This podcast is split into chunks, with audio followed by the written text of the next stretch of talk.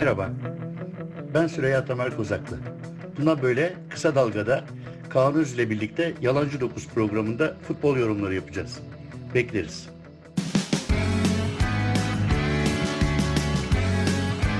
Oku, dinle, izle.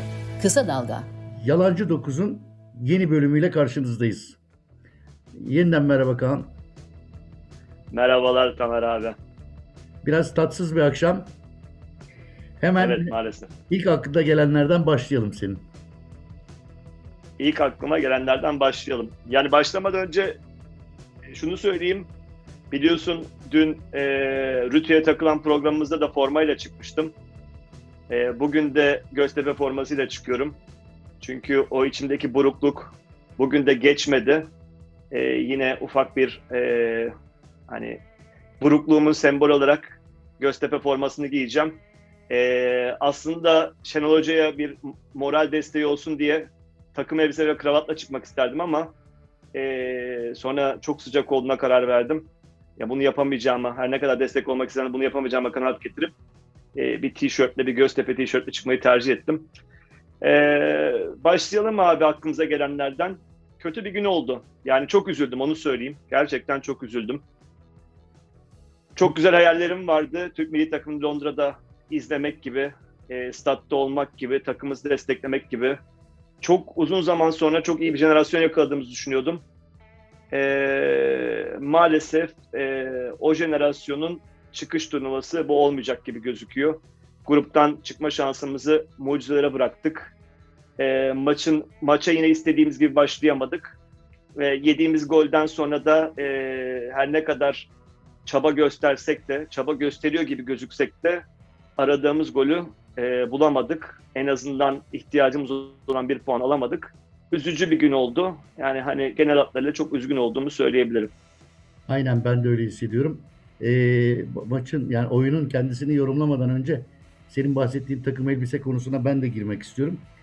Ee, yani hocalar arasında tabii takım elbise giymek maçlarda yaygın bir şey ama burada sanki bu takım elbise benim için başka şeyleri sembolize etti. Yani hocanın takımla uzaklığı, artık futbolun e, teknik adam olarak futbolun içerisinde olmaktan ziyade kendisini daha idareci, Türk futbolunu daha ona hükmeden bir duayen gibi hissettiğini, e, biraz milli takım teknik direktörlüğünü biraz ayak işi gibi gördüğünü, takımla bütünleşmek içerisi şeyle ilgisi kalmadığını sembolize etti sanki benim gözümde. Yani bu sıcakta bu takım elbiseyle çıkması. Yaptığı e, hem oyun planı hem yaptığı değişiklikler de nedense sanki bu görüşlerimi doğrular nitelikteydi. Doğru söylüyorsun. Ee, yani ben çok fazla olaya semboller, anlamlar yüklemek istemiyorum ama aynı hocanın bugün seçtiği taktik gibi yanlış bir e, moda tercihi olduğunu düşünmek istiyorum. Ee, söylediklerini çok iyi anlıyorum. Yani bunu dinleyenler muhtemelen diyeceklerdir. E, Mancini de kravatla çıkıyor ama takımı ta- to- takır takır top oynuyor. Ama bir yerden baktığın zaman yani bugün sahada biz daha çok e, işte kravatlı bir antrenörün takımı gibi oynadık. E, Galler de e, işte bir formayla eşofmanla çıkmış bir antrenörün takımı gibi. O amatör ruhlu oynadı. Ee, ben gerçekten hani bizim şanssızlığımızın yanında milli takımımıza sanırım bu akşam e, yeterince kritik yapacağız. Yeterince eleştireceğiz ama Galler takımında hakkını vermek istiyorum. İlk maçta da beni çok etkilemişlerdi. Bundan önceki turnuvalarda da etkilemişlerdi. Yani takım nasıl olunur, nasıl mücadele edilir çok güzel gösterdiler. Ee, takımın abileri, yıldızlarının belli olduğu etrafında savaşçı oyuncularla e, donanmış bir kadronun e, nasıl başarılı olabileceğini, nasıl kendisinden güçlü takımları yenebileceğini bugün de gösterdiler. Ben Galler'i tebrik ediyorum.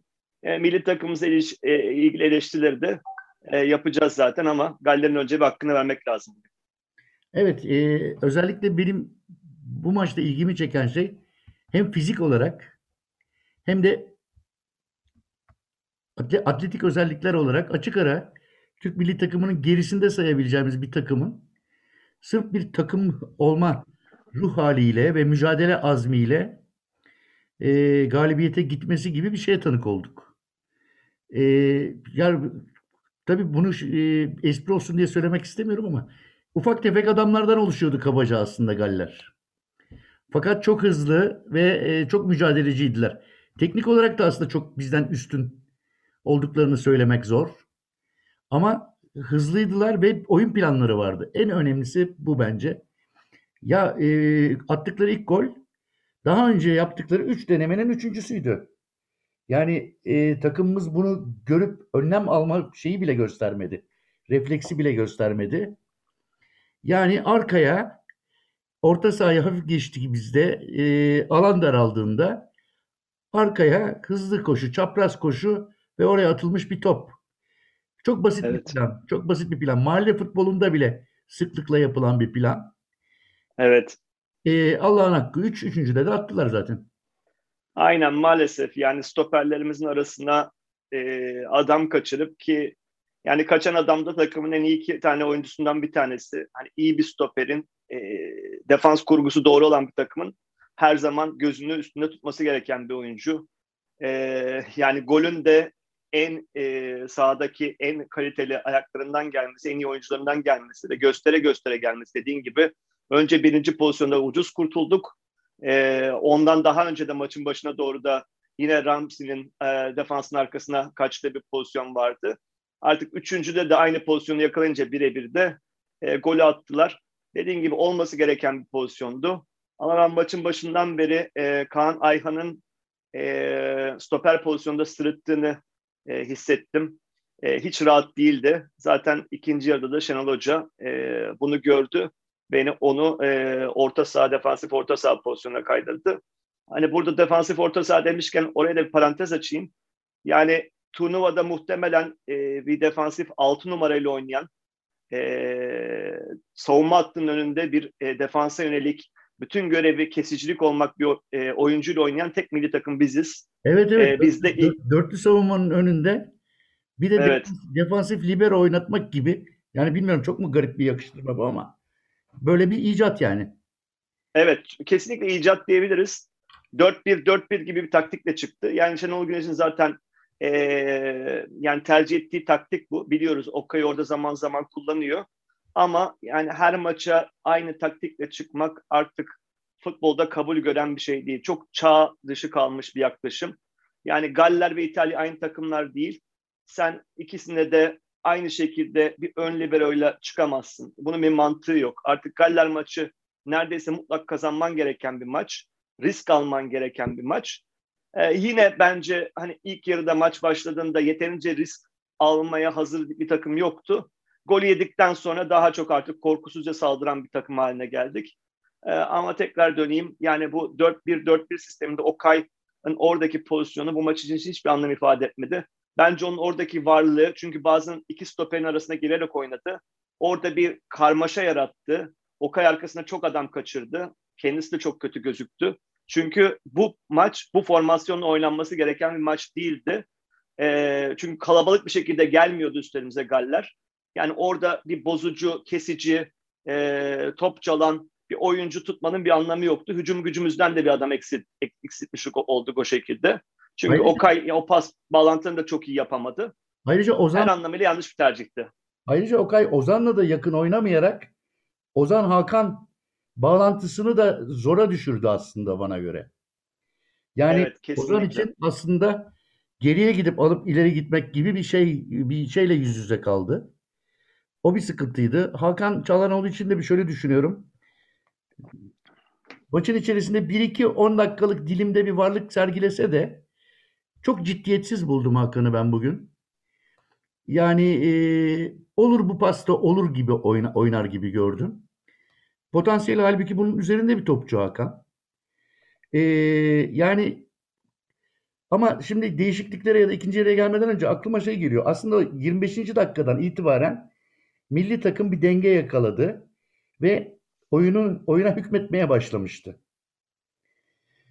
Ee, pa- pas yüzdeleri yükseldi. Topa sahip olma oranı yükseldi. Geri dönen toplara basma e, refleksi sergiledi. Aslında işler düzeliyor gibi geldi bana o an. Ama sonra e, sonra bu çözüldü. Bir de bu şey nedir ya? Bir gol bir gol yemek orijinal bir şey değil gol yemek. Yani futbolda gol yememek diye bir şey yok. Bir golle bir takımın çözülmesi çok saçma geliyor bana. Doğru. Bu maçta tabii çözülme İtalya maçındaki kadar keskin olmadı. İtalya maçında 1-0'dan sonra dağılmıştık. Burada ikinci yarıya ciddi bir refleks vererek başladık. Hücumdaki adam sayımızı arttırdık. Yani senaryo olarak maçın akışı olarak farklı bir maçtı. Zaten mutlaka Evet, hani bir puan çıkarmamız gereken bir maçtı. Onun onun bilinciyle, onun adrenaliyle takım aslında çok da İtalya maçındaki kadar dağılmadı. Zaten rakip de İtalya değil. Yani dağılacak bir rakip de yok. Ee, daha özgüvenli çıktıkları bir maçtı. Hakan'a e, geleyim ve sonra o 25. dakikadan sonraki e, baskıyı birazcık irdeleyelim, analiz edelim. E, Hakan'la ilgili yorumuna katılıyorum. Hakan milli takımlarda e, Milan'da oynadığından çok daha farklı oynuyor. E, verdiği görüntü e, daha zayıf. Tabii ki her takımın e, yani dizilişi farklı, her takımın oyun şekli farklı. E, oradaki görevi farklı, orada kendini hissettiği e, rol farklı. E, o yüzden hani çok eleştirmek de istemiyorum. Çünkü etrafındaki oyuncular kadar bazen oynayabiliyorsun futbolu. Ama e, şu gerçek ki milli takımın hücumunda e, sürekli bir Hakan'ı topla buluşturma isteği var. Yani hücuma dönük oyuncumuz, topu ileriye taşıyabilecek oyuncu sayımız çok fazla olmadığı için hep Hakan üzerinden bir oyun kurulumu söz konusu oluyor. Bu bana birazcık böyle işte eski dönemde basketbolun oynanışı gibi sürekli bir oyun kurucuyu bularak bir oyun oyun tarzı. O da ileriye çıkışlarımızda e, bizi yavaşlatıyor. Yani Hakan bir nevi takıma el freni gibi oluyor çoğu pozisyonda. Sürekli top alma isteğinden dolayı. E, top sağ, dikine e, ileriye kaleye gitmemize mani oluyor. E, bu gözüme çarpan bir durumdu. O anlamda sana katılıyorum. Yani Hakan'ın genel olarak da performansının milli takımda çok düşük olduğu e, saptamana da katılıyorum. E, 25. dakikadan sonra evet o 25. dakika pozisyonu e, Ramsey'nin e, Uğurcan'la karşı karşıya kalıp Uğurcan'ın ayağıyla çıkardığı pozisyondan sonra bizim bir refleksimiz oldu. E, baktık yani çok pozisyon veriyoruz. Bir takım silkelendi. Orada bir e, kırılma noktası oldu. Bir sonra bir 15-20 dakika yükleniyor gibi olduk ama bu çok bilinçli bir yüklenme değildi bence. E, kanatlardan iyi indik, e, iyi ortalar yaptık. Ama hani çok böyle e, o defansı açabileceğimiz pozisyonlara girmedik. Çünkü biliyorsun ki Galler bunu dün de konuşmuştuk. Bir ada takımı. Ada takımları yani havadan nasıl oynayacaklarını, e, ortaları nasıl karşılayacaklarını, yan topları nasıl karşılayacaklarını çok iyi biliyorlar. Oradaki dizilişleri çok iyi. Çok iyi savunma yaptılar. Bunu da hakkını vermek lazım. Yani e, biz baktık ortalarımız geçmiyor. İkinci yarıda oyunu daha yerden oynamaya çalıştık. Ortadan kısa paslarla, ara paslarla delmeye çalıştık. E, orada da çok iyi durdular. E, stoperleri, işte e, orta saha oyuncuları e, çok iyi alan kapattılar. Müdahaleleri çok yerindeydi. Genel olarak e, bu maç e, aslında farklı şeyleri deneyip e, sonuç alamadığımız bir maç oldu. E, ama yine zaten e, futbolun gerçeği bu. E, geriye düşünce e, maçı çevirmek için e, ekstra gayret sarf ediyorsun. Zaten çok sıcak bir havada oynanıyor. Üzerinde baskı var. Ondan sonra da biraz hezeyan şeklinde geçti. Beraberlik çıkarabilir miydik? Çıkarabilirdik. Ama bence maçın hakkı Galler'indi. Yani oynadıkları futbolla, yaptıkları savunmayla bizim eforlarımız da daha çok e, duran toplardan, işte karambol pozisyonlardan geldi. E, ben çok hak ettiğimiz bir maç olduğunu düşünmüyorum. O yüzden de yani bugün hak eden 3 puanı kazandı diye bakıyorum. Galler'in adına sevindim yani hani e, işte küçük bir takımla e, iki tane yıldızlı oyuncu etrafında bir takım oluşturup e, iki maçta 4 puanla muhtemelen bir sonraki tura kalmaları sebebiyle. Evet. E, gerçi sanıyorum Şenol Güneş golü yedikten sonra bile beraberlik planında ısrar etti gibi bir duyguya kapıldım ben. Gerçi bir takım önlemler aldı. Örneğin Zeki'yi kanatta kullanmaya başladı. Cengiz'i daha serbest oyna dedi ona. Halbuki başlangıçta Cengiz daha sağdan oynadı denilmişti Cengiz'e. Ee, oradan da bir etki, bir sonuç alacak gibi geliyordu bana. Doğrusunu söylemek gerekirse. Ümitlenmiştim ama baştan beri benim için bir muamma olan İrfan Can Kahveci'nin neden ikinci yarıya başlamadığı. İlk yarıya başlamadığını artık kabulleniyoruz da. Neden ikinci yarıya başlamadığı? Ee, evet. Ozan'ın neden alındığı? Yani bunlar bizim zaten ofansif silahlarımız değil miydi? E, böyle e, ha, ha, Halil e, daha milli takım tecrübesi çok sınırlı. Halil'in oyuna alınması, e, Mert'in oyuna alınması. Yani e, tabii ki futboldaki gençlere kimse karşı değil. E, ama yani bir, bana sürpriz gibi geldi. Katılıyorum, kesinlikle katılıyorum. Özellikle Halil ve Mert Müldür'ün bu tip bir turnuvayı e, daha kaldırabilecek e, seviyede olmadıklarını görmüş olduk. E, zorluk seviyesi tamam baskısı yüksek sayılabilecek maçtı ama zorluk seviyesi çok yüksek bir rakip değildi. Ona rağmen e, yani Halil sahada ruh gibiydi. Ben de isterdim ki Halil çıksın, oynasın ama benim zaten dünkü programda da, senin öncesindeki konuşmalarımızda da yaptığım kritiklerden bir tanesi. Yani hani Göztepe'li olmamın dışında, Halil Akbunar'ı tabii ki milli takımda görmek istememin dışında, hak ettiğini düşünmemin dışında, yani yerine seçilen oyuncuların da e, kesinlikle Halil'den farklı özellikler e, barındırmadığını, e, bizim kadromuza farklı bir derinlik katmadığını söyledim. Maalesef Halil'in Halil tercihi de Halil tercihinde yanlış olduğunu e, bu maçtaki Halil'in görüntüsünden görmüş olduk. Yani bunu sadece kötü oynamasına bağlı söylemiyorum. E, ruh gibiydi. Yani girdikten sonra nerede duracağı konusunda bir şey yapamadı. Forvet görüntüsü olmayan orta saha gibi hazır, değil. Hazırlık maçını saymazsan Halil'in oynadığı ilk maç değil mi bu? Evet yani ilk evet. resmi maç aynen Azerbaycan yani, maçını saymazsan yani, Amir takımda evet. Yani şimdi o futbolcudan da böyle ne, e, ne nasıl oynayacağını bayağı enine boyuna biliyor, tartıyor olmasını beklemek de haksızlık. Kesinlikle, kesinlikle. Yani bunu yine zannetmesinler Göztepe'li olduğumdan söylüyorum. Halil Akbunar bu maçta olsaydı, yine kadromuzda olsaydı e, orada bir farklılık getirebilirdi. Yine kapanan bir rakibe karşı e, kenardan e, çizgiye inerek ya da içeriye kat ederek uzaktan şutlarıyla e, mutlaka fa- e, farklı özelliklerle bir şeyler yapabilir diye düşünüyorum. E, Halil tercihi yanlış oldu. Mert Müldür de aynı şekilde girdi. E, ikinci golde çok büyük bir hatası var. Yani Mert'in ve Halil'in aslında beraber hatası var. O da güzel bir özeti oldu bu konuştuklarımızın. E, ikisi de o pozisyonun içinde olmalarına rağmen e, bir türlü pozisyona müdahale edemediler. E, refakatçi gibi e, Bale'ın kenara inmesi. de aynı şeyi denedi. Aynen aynı şeyi denedi. Zaten bu maçın komedisi de biraz orada. Yani e, teknik direktörün kenardan müdahale etmediği oyuncuların bir şekilde bir tutukluk içerisinde olduğunu oradan görebiliyoruz. E, iki, yediğimiz birinci gol daha önceki bir pozisyonun kopyası gibiydi. Yediğimiz ikinci golde ondan yine 3-5 dakika önceki pozisyonun kopyası gibiydi. Aynı şekilde aynı organizasyonda kornerden e, kendi topu sürerek ceza sahasının içine kadar girdi. Ve iki pozisyonda da pozisyon oldu ve ikisinde de biz önlem alamadık. Bu tabii çok üzücü bir şey. Yani oyuncuları da oyuncuların da bunun farkında olması lazım. Teknik adamın da oyuncularını bu yönde uyarması lazım. E, ya da takımın kaptanının ya da stoperin e, maalesef aynı golü böyle karbon kopya gibi bir sonraki tekrar değmiş olmamız çok üzücü oldu. Takım adına çok kötü bir görüntü oldu. Öyle oldu yani. Ee, bir de enstantane var. Hiç aklımdan çıkmıyor. İrfan Can oyuna giriyor 82. dakikada. Belli ki hocanın kendisinden ne istediğini tam anlamadığı için hocaya bir soru soruyor. Hoca da ona bir cevap veriyor ama hadi git yap bir şeyler gibi. Yani ciddi bir cevap vermiyor gibi bir en azından bende oluşan his buydu yani. Evet. O aslında bizim şu ana kadarki turnuvalardaki performansını da özetliyor. Yani çok ne yaptığını bilen bir milli takım yok gibi. Tabii ki o soyunma odasında olamıyoruz. Tabii ki Şenol Hoca'nın e, bir takım e, oyuncuların öğütleri, maçla ilgili taktikleri oluyordur ama genel takımın görüntüsü olarak takım hadi çık oyna e, görüntüsünde doğaçlama bir görüntü var. Çok ne oynadığını bilmeyen bir görüntü var. Zaten formasyon olarak da baktığın zaman başında konuştuk. E, turnuvadaki hiçbir takımın kullanmadığı birazcık bence çağ dışı kalmış bir formasyonla oynamaya çalışıyoruz. Bu da ileride e, bizim kısır bir görüntü vermemize sebep oluyor. E, zaten turnuvayı da şu anda iki maçta e, gol atamayan e, bir takım olarak devam ediyoruz.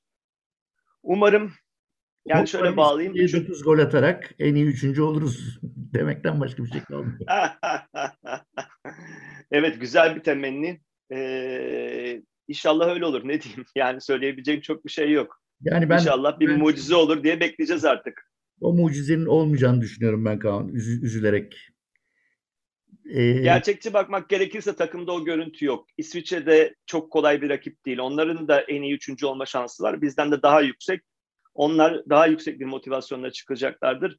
Yani o, o işi göremedim. Milli takımda taktiksel olarak e, diyemiyorum ki yani şu iki maça bakarak Şenol Güneş o, o maçta rakibin e, kilidini çözecektir. Rakibin şifrelerini çözecektir.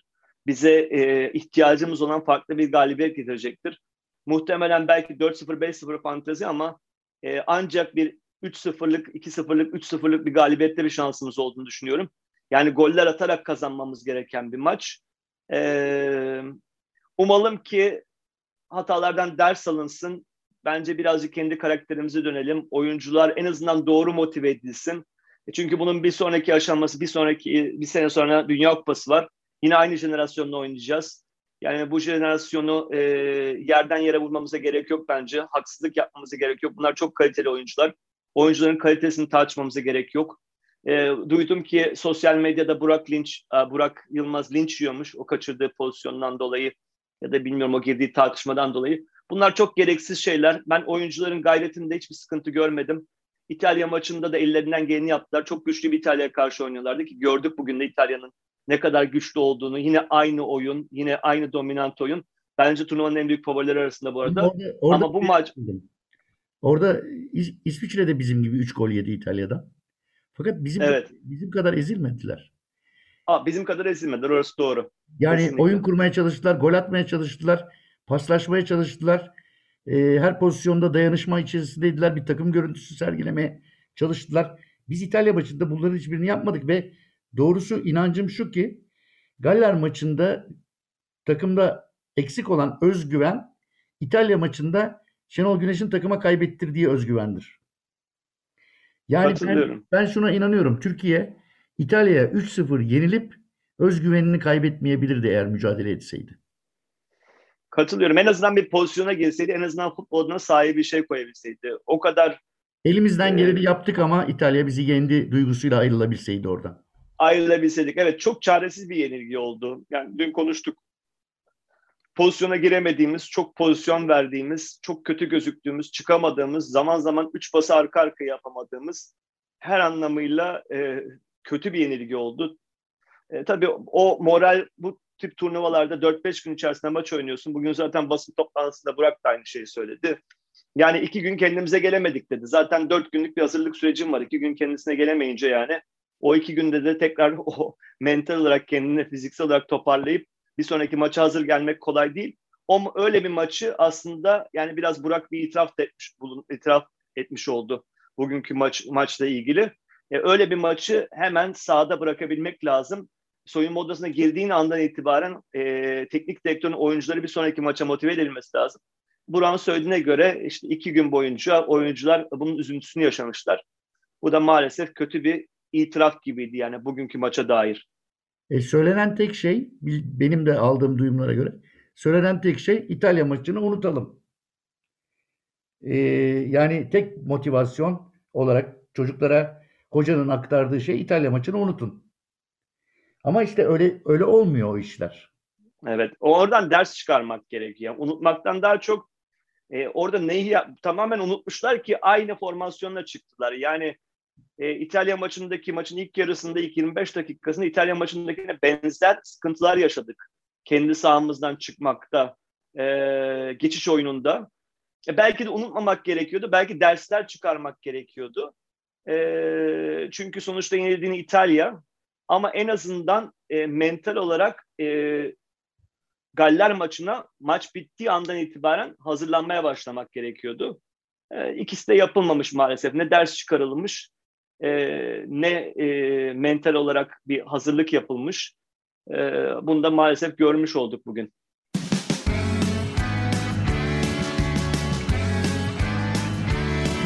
Kulağınız bizde olsun. Kısa Dalga Podcast. E, Kaan bu söylediklerimize ek olarak benim aklıma takılan bir nokta daha var.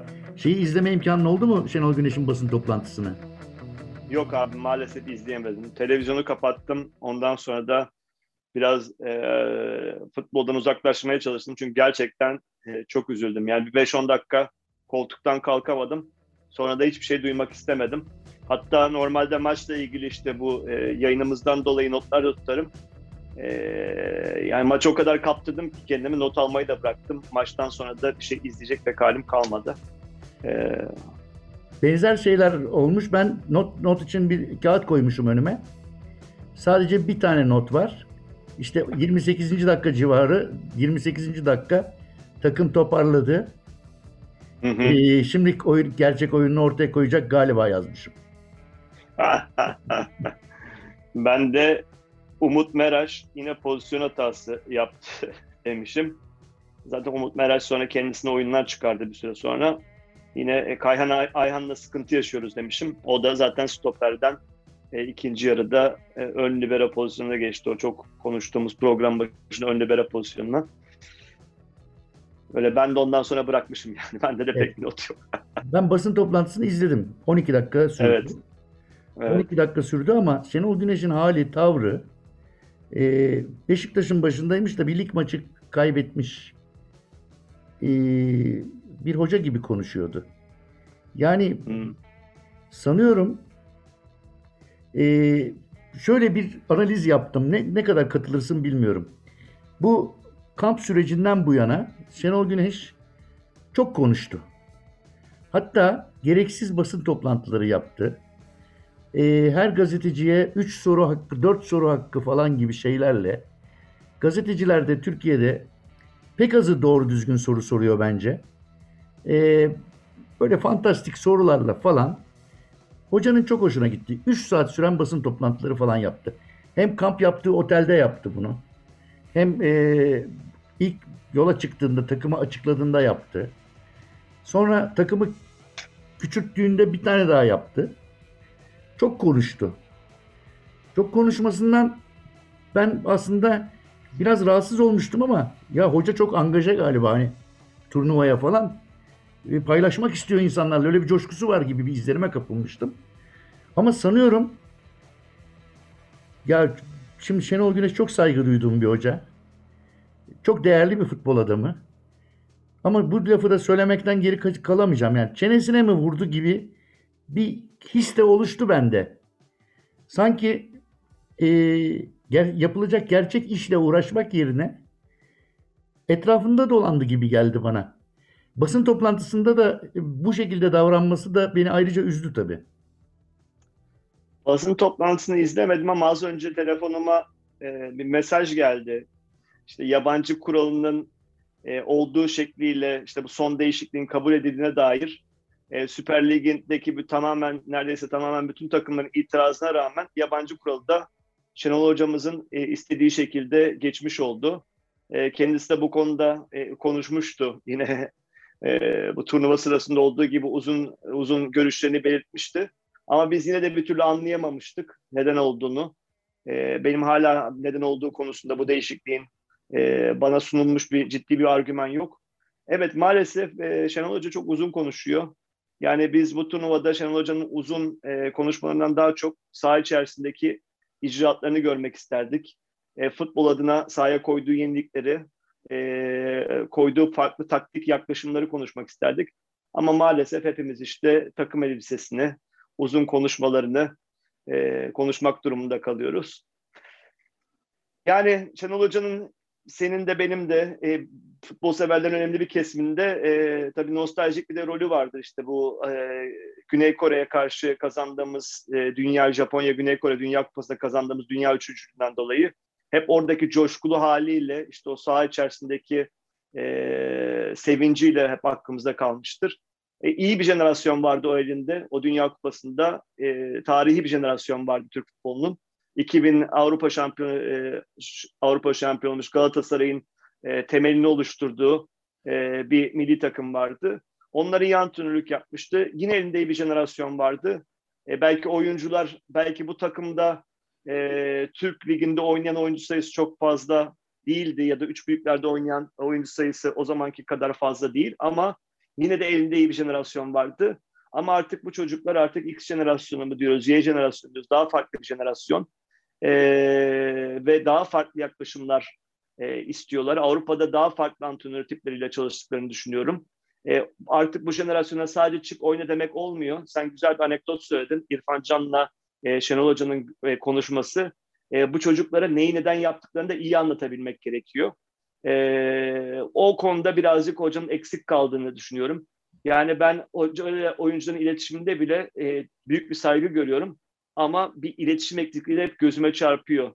E, işte dün basın toplantısında yani Burak'ın hocanın gözünün içine bakması, e, o saygı var ama iletişim anlamında, oyun anlamında, oyun felsefesi anlamında, taktiksel e, bilinç anlamında, taktiksel disiplin anlamında e, hoca sanırım oyunculara istediklerini pek iyi aktaramamış. Doyurucu, doyurucu ee, değil. Evet. Doyurucu olmamış. Kendisinden de duymak isterim tabii ki. Hani taktiksel olarak kafasında ne olduğunu, bu maçlara nasıl hazırlandığını ve sahada ne oynandığını e, bilmiyorum bu basın toplantısında değindi mi? İtalya maçından sonra ben pek duyamadım. Yani ne yapmaya çalıştık ama ne olmadı şeklinde. E, bu maçtan sonraki basın toplantısını en kısa zamanda izleyeceğim. E, bir sonraki e, yayınımızda da konuşuruz. Yani blok bloklar arası e, mesafeyi kapatamadık.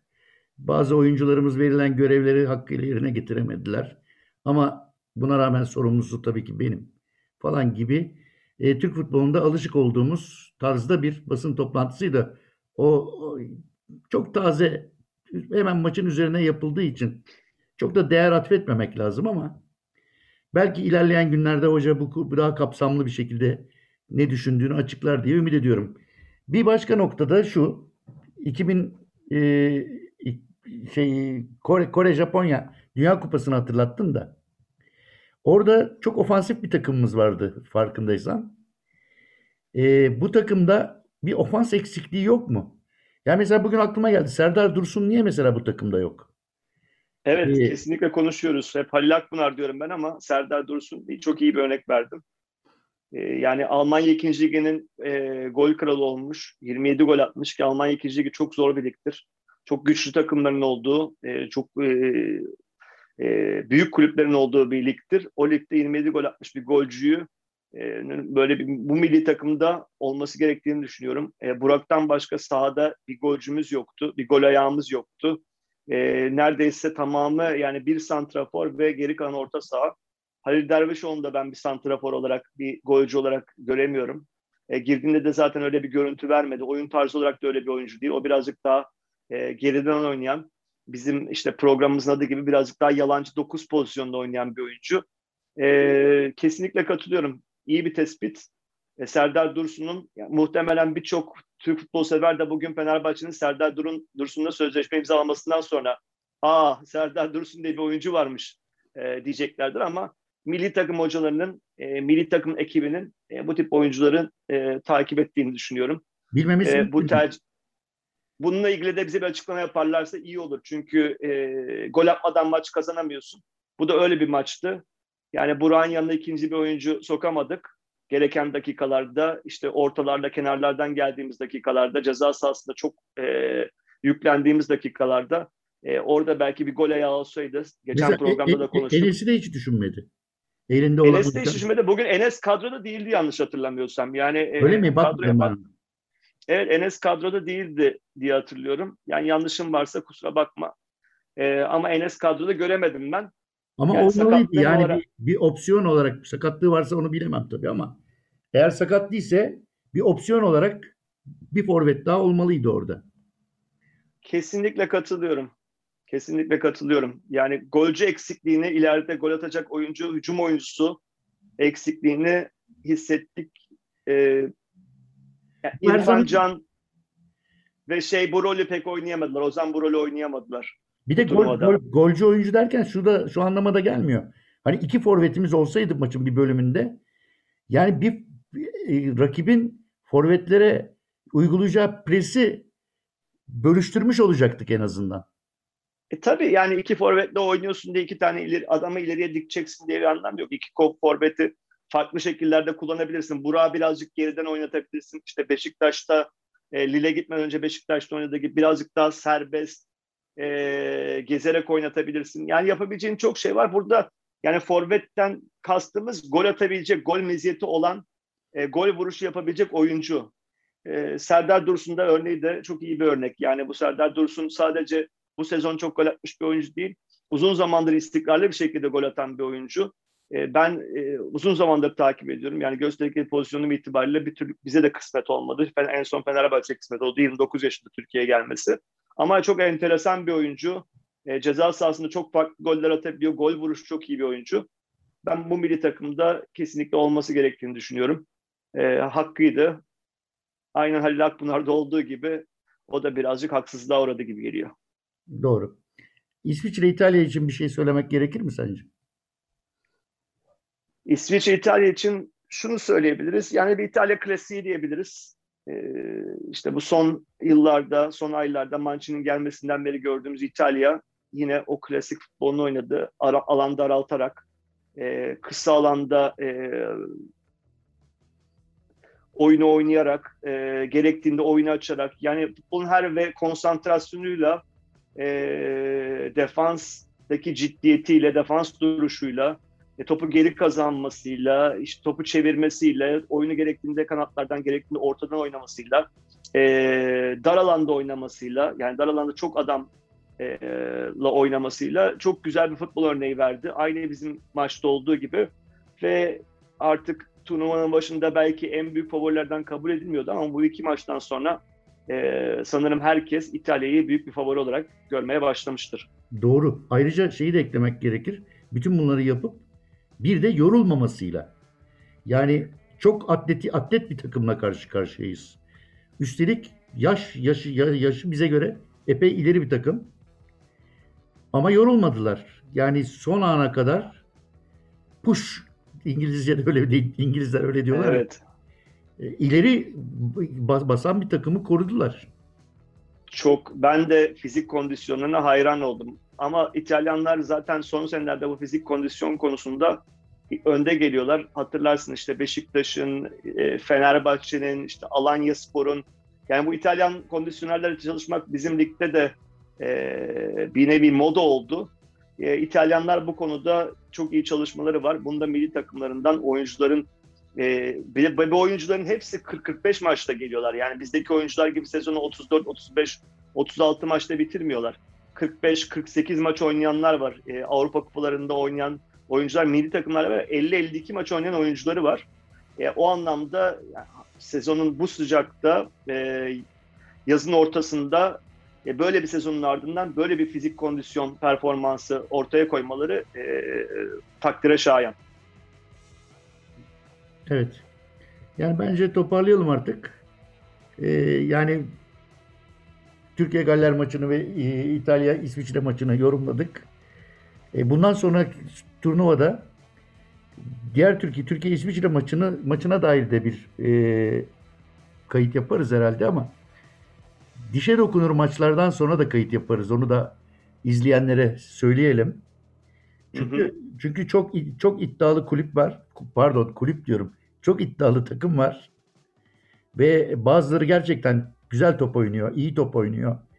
Ee, onlar birbirleriyle eleme aşamasında kapışacaklar.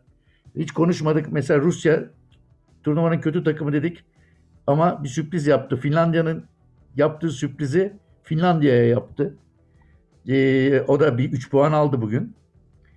Ee, Çok sürpriz diyemeyeceğiniz bir puan aslında. Almaları gereken ya da alabilecekleri puan ortada bir maçtı. Ama Finliler işte Danimarka'yı yenince biraz gözümüzde büyüdüler ya. Benim çok büyümediler aslında ama e, yani Rusya'nın ben puansız gidebileceğini düşünüyordum ilk maçtaki performansına bakarak. Yani kendi itibarlarını kurtardılar bir nevi e, Finlandiya'ya karşı. Evet evet. Ee, yine onlarla ilgili de dışa dokunur maçlarda yine e, yapacağımız programlarla e, insanlara biraz e, gördüğümüzü, duyduğumuzu, anladığımızı aktarmaya çalışacağız. Tabii bir de şöyle söyleyeyim herhalde bundan sonraki maçları da biraz işte bu matematik hesaplarla e, biraz mucize bekleyerek geçireceğiz.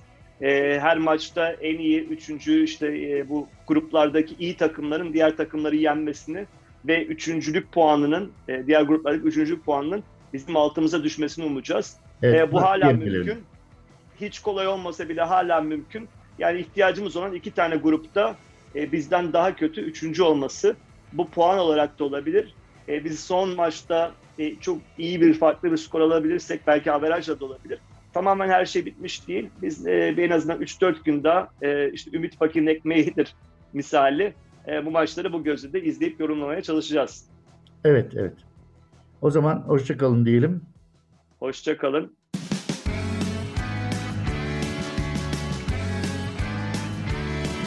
Kulağınız bizde olsun. Kısa Dalga Podcast.